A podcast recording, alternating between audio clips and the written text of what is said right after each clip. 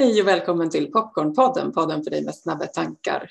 Tove Eloa Öberg här och du är varmt välkommen till det 29 avsnittet faktiskt av Popcornpodden. Vem kunde ha trott det sådär i januari för snart ett år sedan? Men här är vi nu. Har fått dela många väldigt spännande samtal och möten tycker jag och jag vet att det är många av er som lyssnar som har hört av er och delar det med mig. Det vill jag tacka för. Verkligen, det värmer varje gång. Och idag så ska jag få dela ett möte med någon som jag ser fram emot att också få dela med er, för vi har tjuvstartat lite och har bra flow. Eh, Karin Hagman, varmt välkommen till podden. Tack! Jättefint att du är här. Ja, men kul att vara här. Jag tänkte på det här när du säger snabba tankar, podden för dig med snabba tankar, så tänker jag att ja, jag har extremt mycket snabba tankar som jag jobbar med att, att lugna ner istället. Det är en utmaning ibland, eller? Frågetecken. Det är en utmaning. Ja, precis. Ja, och det är någon som har varit med tidigare i podden sa men får jag verkligen vara med? Jag har ju inte så snabba tankar. Ja, sa jag, det är nog ganska bra då som komplement. Jag tänker att vi människor växlar mellan olika mm, tempo beroende på livet och mötet som vi är i. Eh, och allt får finnas. Så du är välkommen med hela dig här, tänker jag. Jättefint att dela ett samtal ska det bli. Ja, härligt. Du, eh, Karin, för de som inte känner till dig så vill jag presentera dig som bland annat VD för IQ-initiativet. Ni som har följt podden en tid vet ju att vi har snackat ett antal gånger om hälsa. Det är ju på något sätt en grundhashtag här, livet och hälsan på, alla möjliga olika sätt. Men där inte sällan vi ju faktiskt har delat samtal kring eh, beroende eller alkohol, normer ehm, på olika sätt. Och IQ-initiativet tänker jag att det nästan är bäst att du får sätta ord på vad det är för den som kanske inte har hört. Ja, och nu ska jag också säga att om det skramlar lite i bakgrunden så tror jag att det är en tonåring i köket här. Jag jobbar ju hemma. Ni får ha översikt med det. Det går jättebra. Ja, IQ-initiativet. Vi är ett eh, dotterbolag till Systembolaget och vi jobbar med attityder, beteenden och förhållningssätt till alkohol. Och vad vi vill är ju att skapa reflektion kring hur du ska tänka kring din alkoholkonsumtion, Eh, och du pratar om hälsa och hur, hur, hur dricker man smartare för sig själv? Hur tar man hand om sig själv? Men också hur tar man hand om sin omgivning? Därför att alkohol påverkar ju inte bara den som dricker utan alla runt omkring. Mm. Eh, och ett exempel på det som jag brukar ta det är ju om man har barn nära sig. Eh, och då behöver det inte vara att man är, har ett alkoholberoende eller ett alkoholproblem men barn påverkas väldigt ofta och tidigt av att vuxna, vuxna dricker. Och det handlar ju om att din, din, du förändrar din personlighet och det behöver inte vara att du är aggressiv, du kan bli överdrivet kramig. Alla typer av beteendeförändringar påverkar dem. Och inte bara barn utan dina nära och kära och hur du är och inte minst i arbetslivet som jag hoppas att vi kommer in på här idag. Mm. Så vi jobbar väldigt mycket kring hur ska du tänka, hur ska du känna och hur ska du göra kring alkohol för att må bra. Mm. Och det är ju eh, som en fin fortsättning följer på hela hälsotemat och livstemat. För jag tänker någonstans som min grundinställning till människan på jorden är att vi vill må bra. Så. Alla människor har någon stark inre längtan till att få må gott. Det är ju ett basbehov att undvika lidande och gå in i eh, att må väl. Eh, och där alkohol i Sverige, skulle jag i min egen personliga åsikt, så är ju det en ganska stark norm att alkohol får finnas med i olika sammanhang. Och alkohol i sin tur vet vi ju förstärker känslor och inte minst också är faktiskt en ganska effektiv väg från eh, så att säga negativa emotioner, eller det är fel tycker jag att kalla det negativt, men de vi upplever negativt. Så eh, någonstans är det inte konstigt att det finns många som har en, en problematik kring alkohol. Mm. För det är så starka mekanismer rent biologiskt i oss. I hjärnan? Mm. Alltså alkohol påverkar hela ditt belöningssystem och precis som du säger så kan det vara en ganska snabb väg om du, om du känner att du har ångest eller känner stark ledsamhet så blir det ganska lätt att du, du, alkohol kan bli en snabb lösning. Eh, men vi vet ju att alkohol och till exempel ångest, de är ganska snabbt sammanknippade. Alltså du kan dämpa din ångest snabbt genom alkohol men på sikt blir, kommer alkoholen att ge dig mer ångest. Mm. Och det kan bli lätt en ond spiral. Men jag tror att i Sverige har vi en väldigt stark alkoholkultur där vi ska dricka tillsammans. Om du och jag träffas på en kväll och jag, jag dricker alkohol och du gör inte det, då kan jag nästan tolka det som så här, nej, Tove tycker inte om mig eller hon satsar inte på vår relation för hon satt här och drack vatten och det var inget trevligt. Eh, Då har jag inte valt att gå in där med hela mig. Liksom. Nej, Nej. Och det, där är ju, det där tycker jag är mer och mer spännande, liksom, hur vi som människor kopplat till alkohol beter oss som flockdjur. Mm. Så om man är på en fest, då, då ska alla dricka gärna samma sak och i samma takt. Så här, kan du dricka upp nu så jag kan gå och beställa mer? Det tycker mm. jag också är jättemärkligt. Varför får inte alla dricka precis som de vill? Superintressant. Och för bara några möten sedan i den här podden hade jag ju med en man som jobbar med eh, alkohol och drogprevention, Håkan Fransson. Och han menar ju på att alkoholnormen för många i Sverige, han menar så ska jag säga, att alkoholnormen i Sverige enligt hans åsikt är alltså starkare i vuxna sammanhang än faktiskt i tonårskretsar. Mm. Och det var ja, intressant. Ja, vi ser en utveckling bland unga där faktiskt färre både högstadie och gymnasieungdomar dricker alkohol idag. Och eh, de, det är inte liksom alltid de tuffa och coola i skolan kanske som dricker mest alkohol.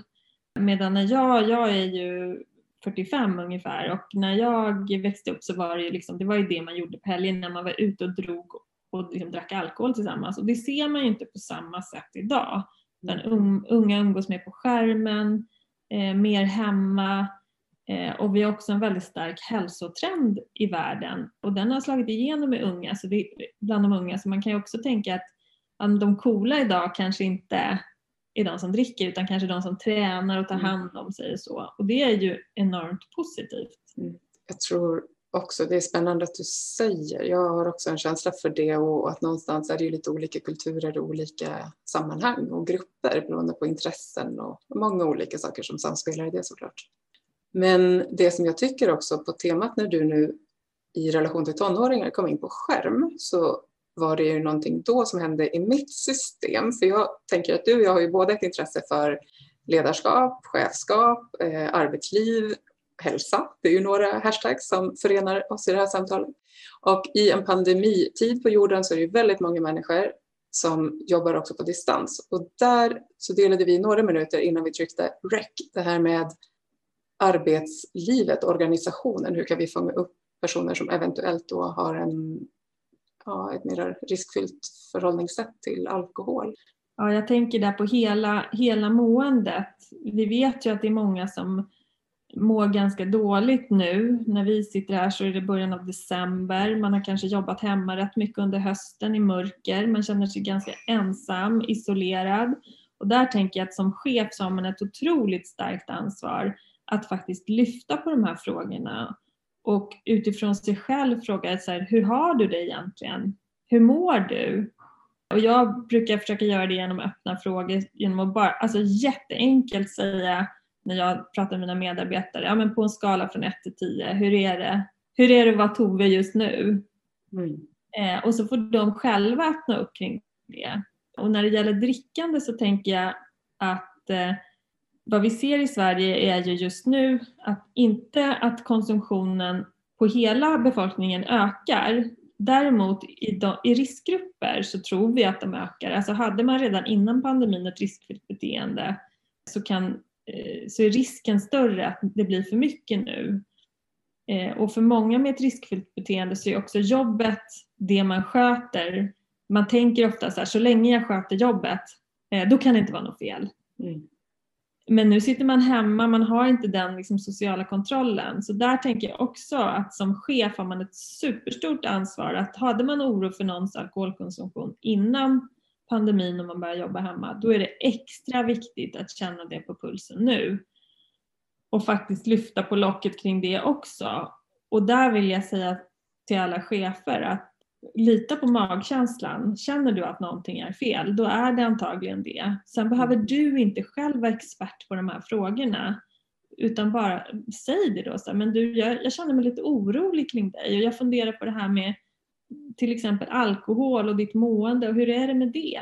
Och be liksom att, att personen i fråga, ni har, där, där man jobbar så har man säkert någon sån här hälsokontakt eh, genom HR men alltså hänvisa vidare och följ upp hur det går. Mm. Och visa att du ser den här människan där den befinner sig. det gäller både alkoholkonsumtion men också psykisk ohälsa i stort tycker jag. Det är alldeles för lätt att vi blundar för det därför att samtalet är obehagligt. Mm. Jag håller rakt av med om samtligt det du nu har sagt och jag tänker att i mitt eget uppdrag som chef så får jag också en del sådana här informationer från HR och liksom såklart att, ja, så hur följer vi upp nu i tider av distansarbete kring eh, psykisk hälsa och också alkohol. Men jag tycker nog reflektera när vi sitter här, men min upplevelse är kanske psykisk hälsa mera det vi pratar om skulle jag säga. Och för mig så blir det en fantasi eller fördom om att det fortfarande är mera stigma kopplat till eventuellt missbruk än vad det är till eventuell psykisk ohälsa. Det är en egen teori här. Ja. Jag tror det. Jag tror att psykisk hälsa har man liksom lärt sig prata om men alkohol är så otroligt skamfyllt. Mm. Därför att, eh, att säga till någon att jag är orolig för dig och jag undrar hur det är med ditt drickande. Det är också att säga att personen, alltså det vi lägger i det, det är också att jag säger till dig att du är lite dålig. Mm. Eller kanske att du, alltså det är så jag är rädd att det ska uppfattas. Mm. Och därför är det så viktigt att jag börjar hos mig själv, att säga att jag är ingen expert men jag känner mig liksom orolig för dig nu.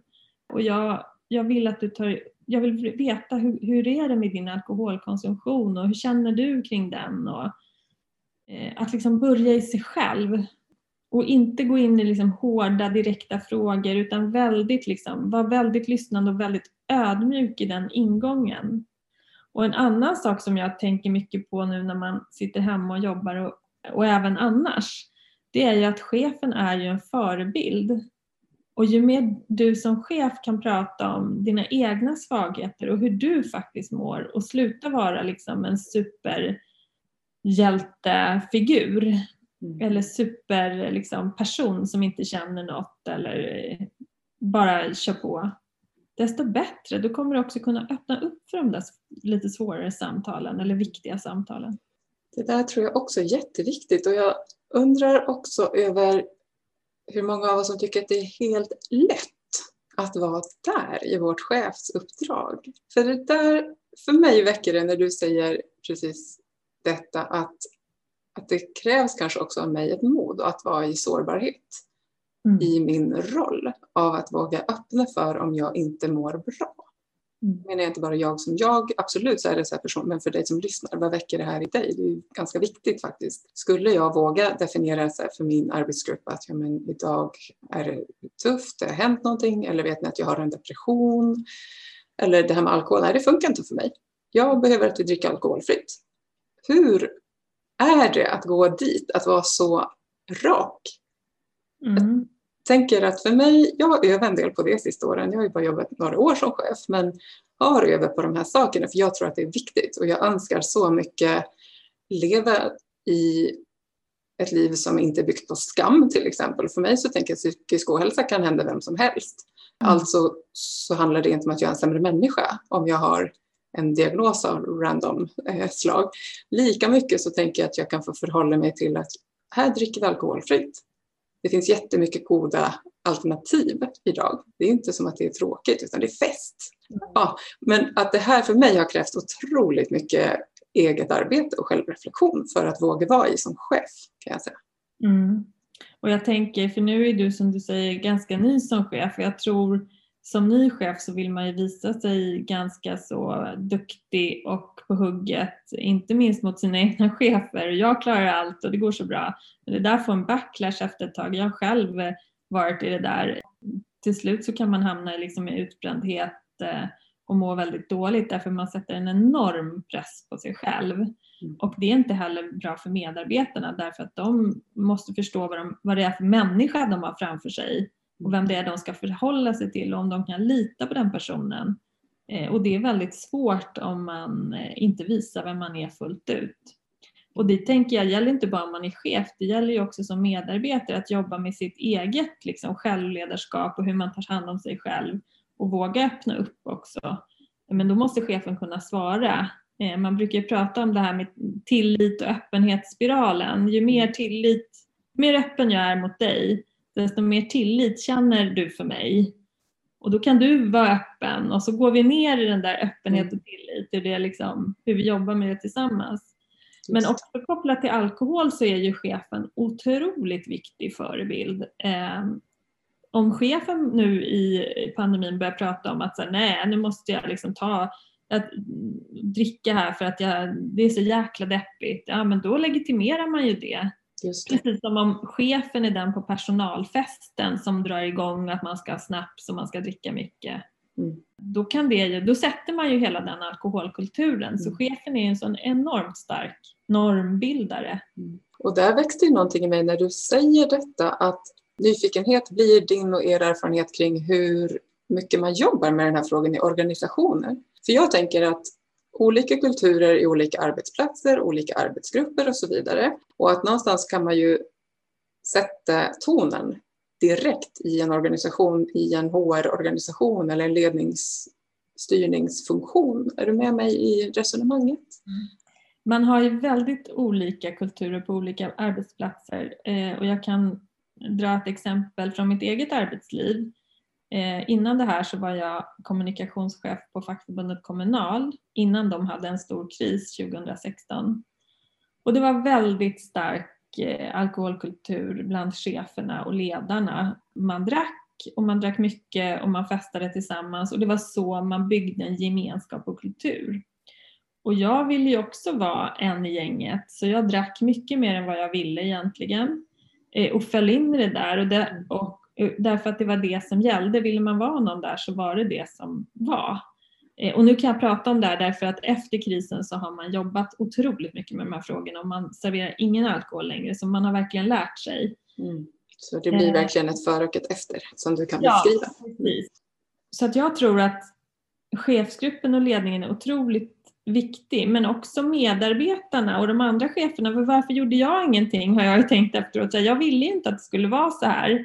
Men det var som att jag i min e individuellt kände mig för svag. Alltså det var, är det bara jag som känner det här? Vi borde ha pratat mer med varandra i chefsgruppen om de här frågorna. Och jag kände också att jag blev en väldigt dålig chef för mina medarbetare som också var liksom en del av den här alkoholkulturen. Alkohol kan ju bli väldigt exkluderande också. Om jag tar då det här exemplet i ledning, ledningen i Kommunal så var det också så att de som inte drack och inte festade, nej de kände ju inte att de var med. De blev ju liksom stannade, stannade utanför. Och det har vi till exempel gjort undersökningar om på IQ som visar att det, om jag ska gå på en AV så är det svårare att gå dit och dricka en läsk eller någonting alkoholfritt. Det är svårare än att inte gå dit alls. Mm. Även om jag skulle vilja träffa mina jobbkompisar och gå och hänga med på AWn så struntar jag i det därför att jag orkar inte gå dit och inte dricka för då kommer jag inte känna mig som en i gänget. Mm. Det där är ju jätteintressant alltså. Vad mm. spännande att det finns svart på vitt mm. i era undersökningar. Jag kan känna in i det, absolut. Jag eh, har ju valt bort att dricka nästan något för att jag tycker att det är för mig ett val som är skönare i mitt liv. Liksom. Jag tycker att det är nog inte en risk jag behöver hålla på med. Sådär, så som mina snabba tankar funkar, ganska snabbt belöningssystem och så vidare. Så jag väljer aktivt att nej, det, det kan jag låta bli. Det finns annat jag kan hålla på med. Och i det att till exempel, nu är det pandemitid och jag har varit i en tid så det är inte så mycket av er kan man konstatera. Men just det där du sa, har jag förhållit mig till? Mm. Och då har jag ändå mina närmaste är liksom väldigt fina, varma personer som inte på något sätt är ifrågasättande. Och ändå finns det någonting där, i mig i alla fall. Det är i alla fall min idé. Så vad intressant att ni har sett det som systematiskt. Så. Mm, och jag tänker att vi har alla ett ansvar att utmana det där eh, så mycket som vi orkar. Eh, men det är ju jättesvårt. Det är jättesvårt att gå på en tjejmiddag och eh, vara den som inte dricker alkohol. Eh, för det finns väldigt få liksom, legitima ursäkter. Det är som inte okej okay att säga så här, nej men jag orkar inte dricka idag eh, för att jag, eh, jag mår inte så bra just nu, jag tror inte att det kommer funka för mig. Det, det kan man nästan inte säga utan det enda som funkar egentligen som ursäkt är ju att man är gravid, kör bil eller möjligen ska upp och träna dagen efter jättetidigt. Får jag vara lite provocerande? Ja. testade jag några minuter med dig. Men jag blir också så här fundersam på nära relationer när vi pratar om detta tema. För jag tänker så här, de vänner jag har i mitt liv, önskar jag tar emot mig vad jag än dricker inte dricker. Mm. Och om jag inte har det så skulle jag i mitt liv behöva fundera på vad är det här för typ av relation? Jag håller helt med. Så kaxig skulle jag vilja sitta här och vara. För jag känner så här, nej. Så att jag tänker att varje människa som lyssnar på den här podden hoppas jag har så mycket självkärlek och tillit till sin egen kraft att här, vara stabil i det. Liksom. Och det kan vara verkligen en uppmaning till lyssnarna. Att känn, vad- känn vad du själv vill och gå på din egen känsla. Du bestämmer själv hur mycket alkohol du ska dricka eller om du ska dricka eller inte. Men det kräver en del av dig. Jag tror att det är det som jag vill säga med det här exemplet. Det kräver att du lyssnar på dig själv, bestämmer själv. Och jag tänker på mitt exempel där med Kommunal. Jag lyssnade inte på mig själv utan jag gav istället gruppen och flocken av- människor det de ville ha och vad jag trodde att de förväntade av mig, säga mig i min enorma, mitt enorma sug efter att passa in. Mm. Och lika så med det här tjejmiddag-exemplet. Jag tror att vi gör så enormt, vi lägger liksom band, vi knyter oss själva hårt för att passa in i flocken. Men det mår man inte bra av alla gånger. Utan att tänk på att du är själv den viktigaste personen i ditt liv och lyssna på vad du vill och vad du, vem du vill vara och hur du ska kunna se dig själv i spegeln. Också om det är så att en flock vi behöver ha tillhörighet till, för det behöver vi ha. Vi är skapade så. Att ha sammanhang är en, ett mänskligt basbehov, lika mycket som den tryggheten vi pratade om inledningsvis. Och om det då är så att en flock vi är del av inte är helt funktionell för oss, att vi inte får vila i den, då är det också för mig att fundera över vad skulle jag önska att min flock har för kvaliteter.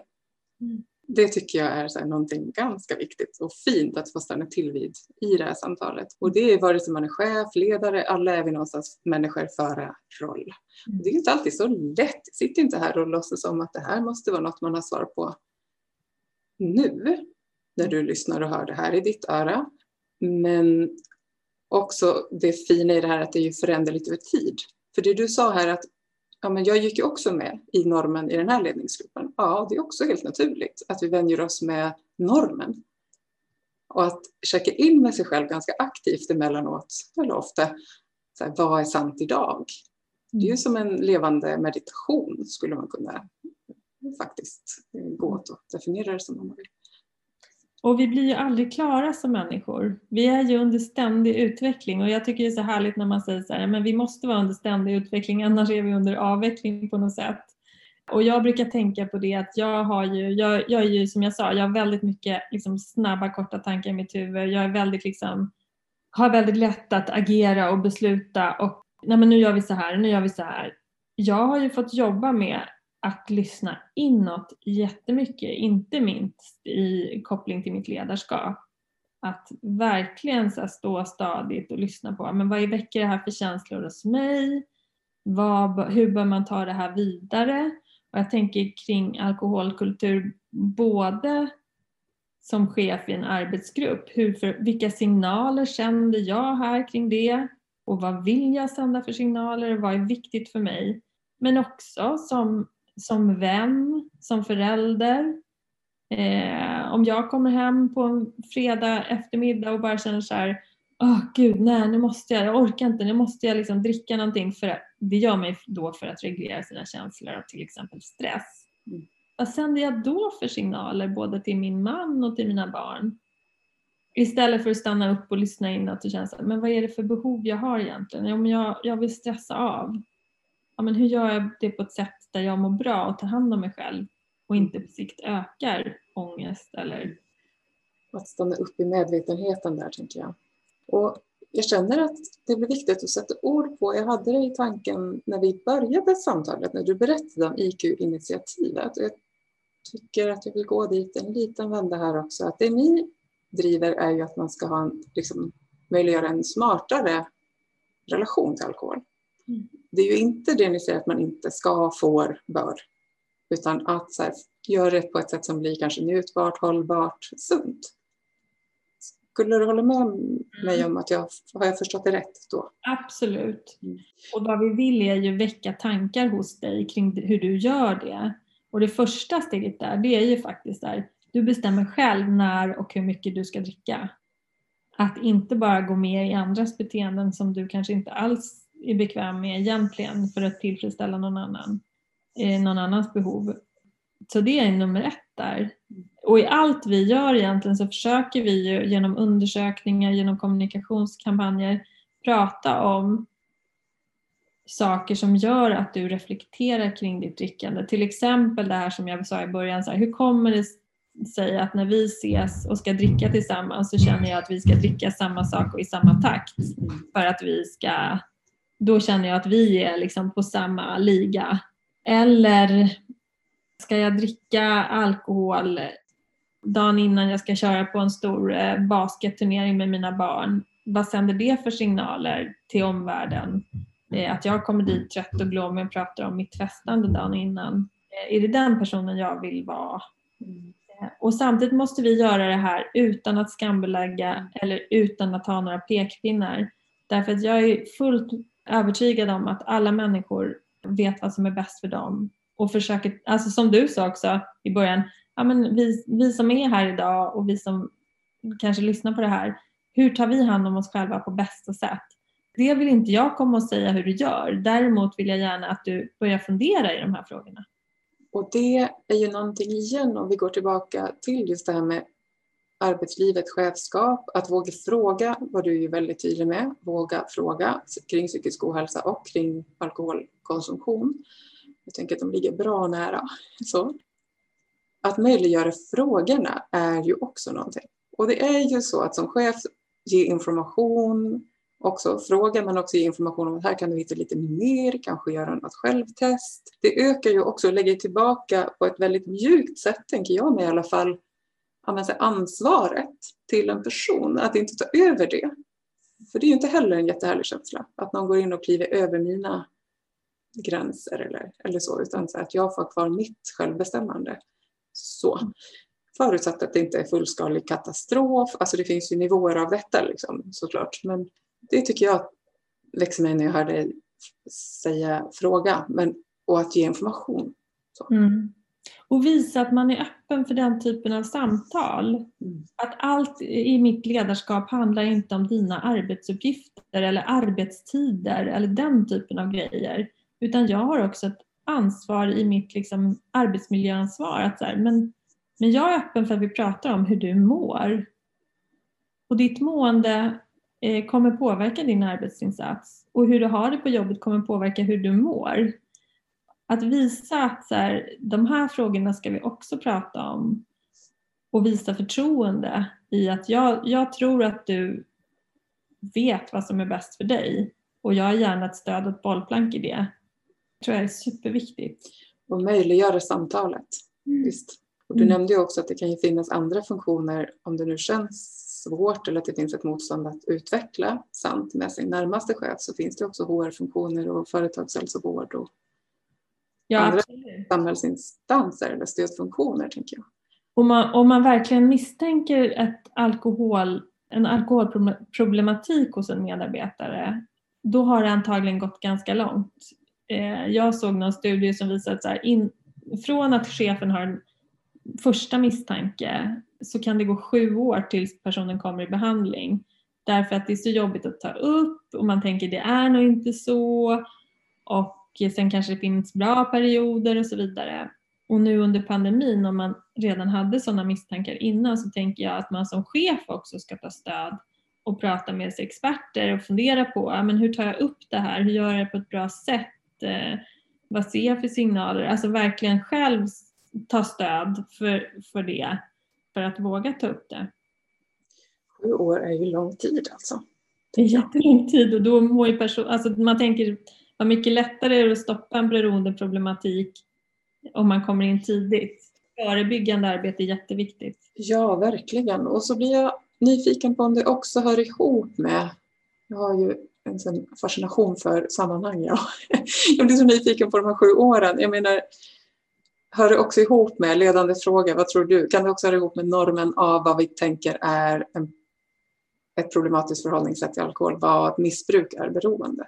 Mm. Bland unga människor så kan det vara ännu svårare att upptäcka ett missbruk därför att man tänker att så här, ja, men han eller hon är ung och festar mycket eller liksom, ja, den är den tiden i livet just nu. Mm. Men sen så kanske den tiden i livet aldrig tar slut. Och just nu i den här ensamheten och isoleringen så tror jag att många lätt kan hamna i tröstdrickande. Mm.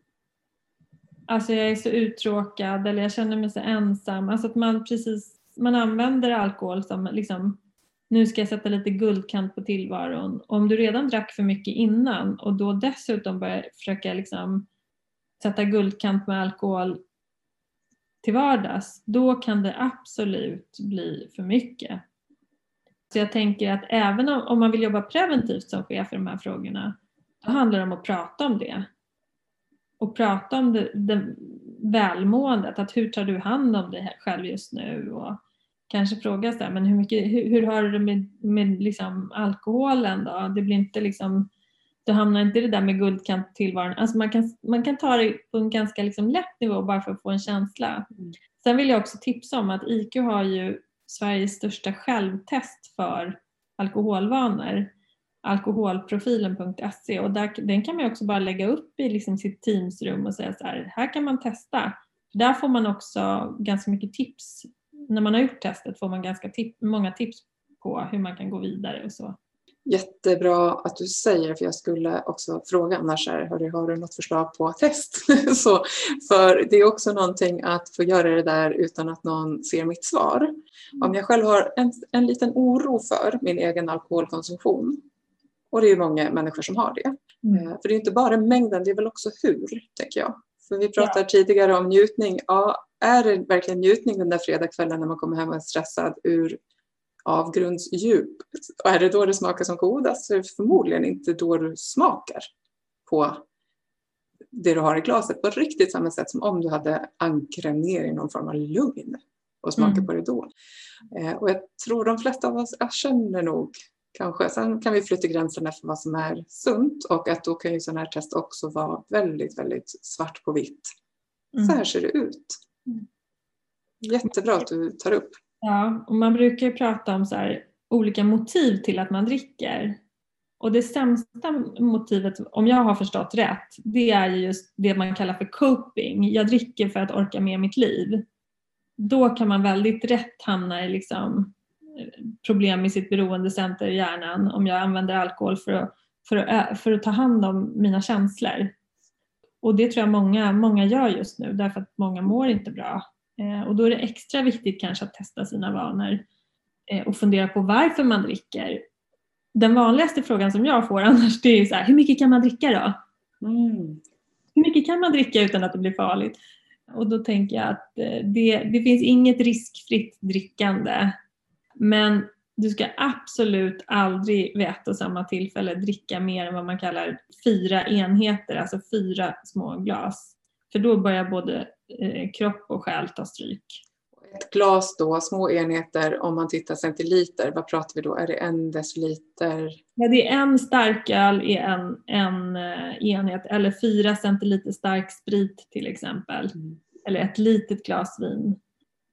Så att aldrig mer än, än fyra sådana glas vid ett tillfälle. Och sen så finns det en, en gräns för riskbruk som går vid tio enheter i veckan och det tycker jag själv låter väldigt, väldigt mycket. Mm. Att dricka tio enheter i veckan. Så det är som sagt en gräns för riskbruk. Precis, det är också då intressant. För, för dig och för mig låter det som mycket. Mm. För någon annan så är det helt orimligt mycket och någon annan så är det ingenting. Det är en eh, fredagkväll liksom, eller en måndag. Ja. Mm. Så att ja, det där också att i att ha de här samtalen så tänker jag för mig att det skulle vara viktigt också oavsett vilken eh, kontakt jag har med en människa att inte behöva gå in i att definiera det. Det är inte min sak att styra det. Det är mer en nyfikenhet och utforskande. Hur mår du? Liksom? Ja, precis. Helt rätt. Men det är ofta, du vet, vi, vi människor, vi vill gärna ha snabba lösningar. Om du ge mig bara tre tips för hur jag kan må bra, Tove. Då gör jag dem, så har vi löst problemet är vi ute efter.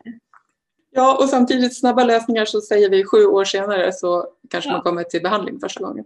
Mm. Ja, och det här, det här med drickande det hänger väldigt mycket ihop med ditt, ditt känsloliv och varför du dricker och motiv till drickande. Så jag tänker så här, det viktigaste är att man reflekterar och tar hand om sig själv och funderar och lyssnar inåt. Vad mår jag bra av? Mm. Eh, Hur ska jag leva för att må bra? Och jag måste ju tyvärr säga att de här snabba, snabba lösningar för, för, för livet, eh, det är inget som jag tror på tyvärr. Nej, tyvärr inte jag heller. Jag hade önskat det. Eh, det hade varit skönt att kunna sälja en sån lösning, tänker jag. Men eh, jag tror inte att det är riktigt rimligt. Men sen tänker jag också, det här med livet och det händer oss och Popcornpodden är ju per definition en reaktion på liksom livets olika händelser som behövde få komma ut på något sätt och så här, ge vidare att ja, men livet kan ge oss olika gåvor och utmaningar. Så är det. Det är en del av att vara människa på jorden. Så, punkt. Och vi kommer genom att vara människor ha upplevelser av fantastiska gåvor och glädjeämnen men det finns också många gånger och vi har faktiskt ännu fler känslouttryck för tuffa saker än vad vi har för positiva känslor. Och det betyder ju någonstans att här, vi kommer aldrig vara fria från lidande. Liksom. Men hur mycket, hur djupt, när blir det svårt för oss, när blir det till och med sjukt, om man ta hjälp. Så här, alltså det, någonstans, det här tycker jag att jag vill sätta ord på faktiskt. Att om målbilden är konstant lycka på en himalayansk bergstopp, ja, då kan det bli jobbigt tror jag, om det är vår målbild. För, så, så tänker jag att ja, då finns det risk för misslyckanden, för det är ganska blåsigt på himalayanska bergstoppar också. Ja, men jag, jag håller med om det du säger, men jag tänker så här, ett stort problem är ju att vi hela tiden jämför vårt eget osäkra inre med andras externa bilder av sig själva. Ja, Och eh, då blir det ju väl, då känner jag mig väldigt imperfekt. mm. Och när det gäller drickande till exempel så har jag väldigt, funderat väldigt mycket nu på sistone på alla så här härliga amerikanska och engelska tv-serier med fantastiskt snygga kvinnor i huvudrollen. Och varje gång de kommer hem från jobbet så häller de upp ett stort glas vin och njuter av detta. Och mår så himla bra. Och så sitter jag kanske hemma och känner mig så här, oj jag är både tråkig och ful och ingen ser mig. Men bara jag skulle komma hem från jobbet och dricka det där stora glaset vin och vara lite mer som dem. Eh, då skulle allt bli bättre. Men det funkar inte så. Utan eh, sen så lider vi ju också av det här som man kallar liksom additionsstress. Att vi, jag jämför mitt eget osäkra yttre med tusen andra lyckade kvinnors eh, liksom, externa bilder. Och de verkar dricka så mycket vin med sina vänner och de är så liksom, och det verkar så här, de har så vackra vinglas som de dricker ur och dessutom verkar de också yoga och meditera skitmycket. Alltså det blir hysteriska krav på en. Ja, ja, ja, visst, absolut. Absolut. Ja, och att komma till rätta med den. Liksom. Alltså, jag tycker för mig så gör det någonting bara att sätta ord på det, precis som du gjorde nu. Att se det och höra det lite så med perspektiv, så orimligheten. För både du och jag sitter här som två kvinnor som, jag ser dig och tänker, gud vilken strålande kvinna. Och gissningsvis så ser du så här, saker i mig som jag ibland inte ser själv. Men att höra det från dig nu blir också så här, alla håller vi på med det här mer eller mindre mycket. Ja. Hur kan vi sänka volymen på den knappen? Ja, och sätta ord på det och kanske bara skratta åt det för Ja. att vi är hopplösa. Alltså, Ja, eller, alltså, ja, men så här var det idag liksom. ja, Ja.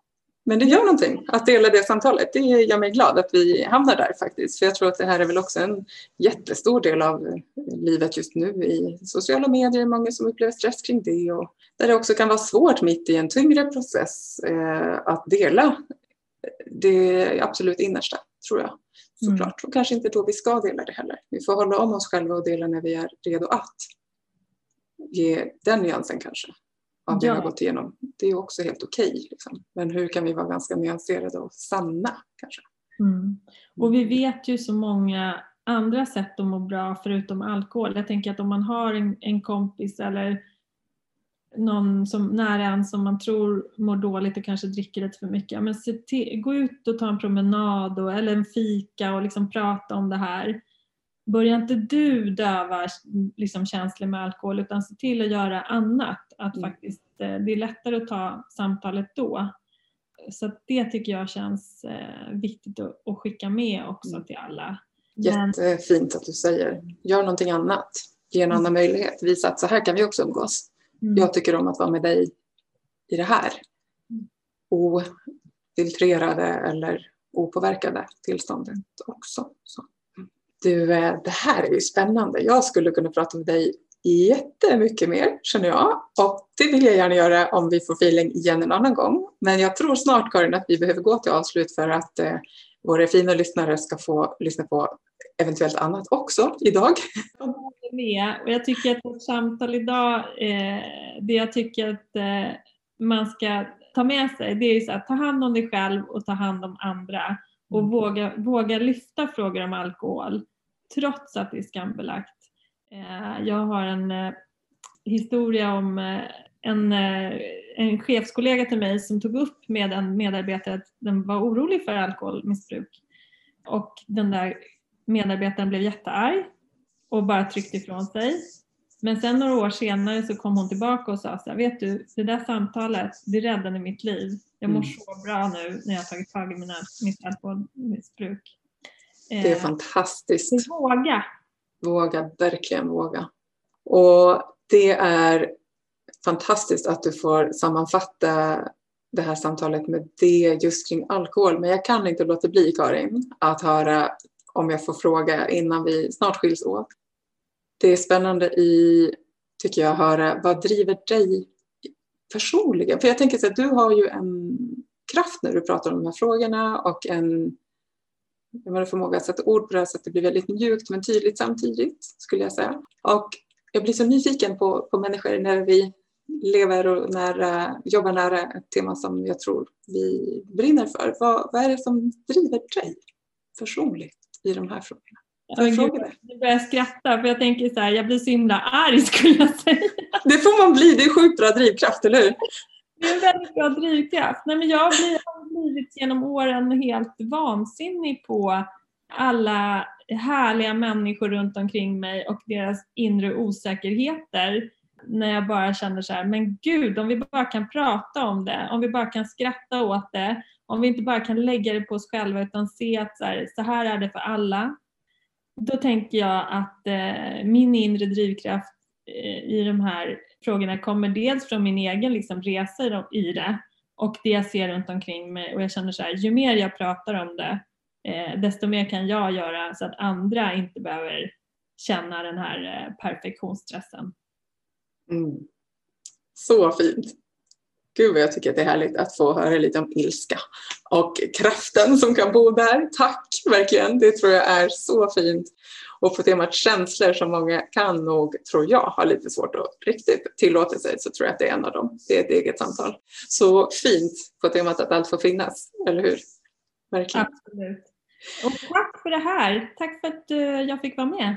Ja, men jättefint att ha varit det Karin och eh, du som vill läsa mer om det arbete ni gör på IQ-initiativet kan väl helt enkelt gå in på iqinitiativet.se. IQ.se faktiskt. iq.se ska det vara. Och eh, jag råkar veta att ni också har en podcast, eller hur? Yes, Fyllepodden med Musse Hasselvall där de pratar om olika teman och alkohol och olika personer reflekterar kring det. Så den får man gärna lyssna på. Det ska vi också tagga i det här inlägget när vi delar det. Karin, tack för samtalet, verkligen. Tack! Tack. Och du som har lyssnat på dagens avsnitt, jag hoppas att du har fått med dig olika nyanser, kanske en del kända kunskaper, kanske lite nytt, men framförallt så hoppas jag på en självreflektion till vad du behöver just idag för att må bra med dig. Det vore superfint om du vill dela vidare det här avsnittet och mötet i dina nätverk till de som du tror kan behöva lyssna för egen del eller för att lära sig utifrån någon annans mående. Att dela med sig är en gåva, verkligen. Så tagga IQ och eh, Popcornpodden om du vill. Ha en fortsatt fin dag.